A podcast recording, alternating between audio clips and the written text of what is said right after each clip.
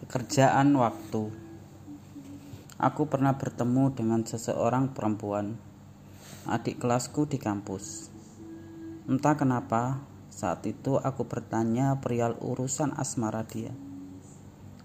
Dan dia menjawab, dia sudah putus tahun lebih.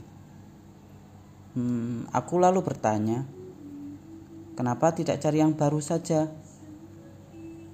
Ah, untuk untuk, untuk urusan ini Aku terkesan sedang memodisi dia.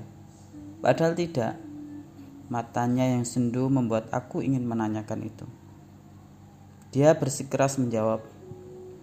Dia tidak mau cari yang baru. Pokoknya dia hanya ingin bersama sang mantan.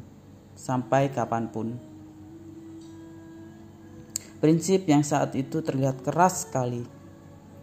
Aku juga tidak mengerti kenapa dia menjawab dengan nada yang tinggi juga seolah pertanyaan perihal melupakan adalah hal yang menyakiti.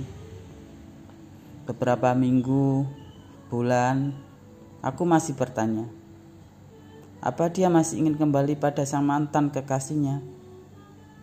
Jawabannya tetap sama. Dia hanya ingin sang mantan kekasihnya. Terlihat dari cara dia bicara, cintanya tak pernah berkurang. Dia masih menjaga hati seseorang yang mungkin saja tak lagi menjaga hatinya. Aku akhirnya menyerah. Barangkali perempuan kalau sudah cinta memang begitu. Hingga akhirnya kami jarang bertemu. Aku sibuk, dia entah ke mana. Aku juga tak ingin tahu. Kami hanya sebatas junior dan senior.